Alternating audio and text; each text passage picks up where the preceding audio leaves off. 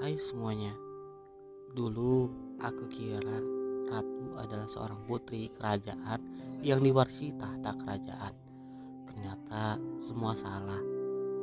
Di hidup ini, Ratu adalah seorang wanita yang berjuang mati-matian untuk melahirkan dan membesarkan seorang anaknya.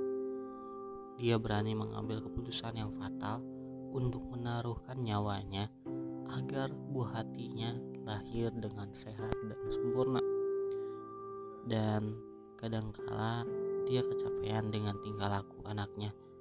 Tapi dia tetap tersenyum walau hati dan raganya sudah lelah.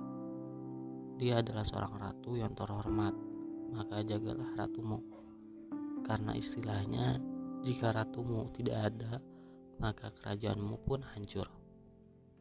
Ratu yang hebat dan kuat yaitu ibu yang selalu ada untuk kita. Semua bisa terjadi karena berkat doanya. Terima kasih Ibu, kamu adalah, ratu bagiku.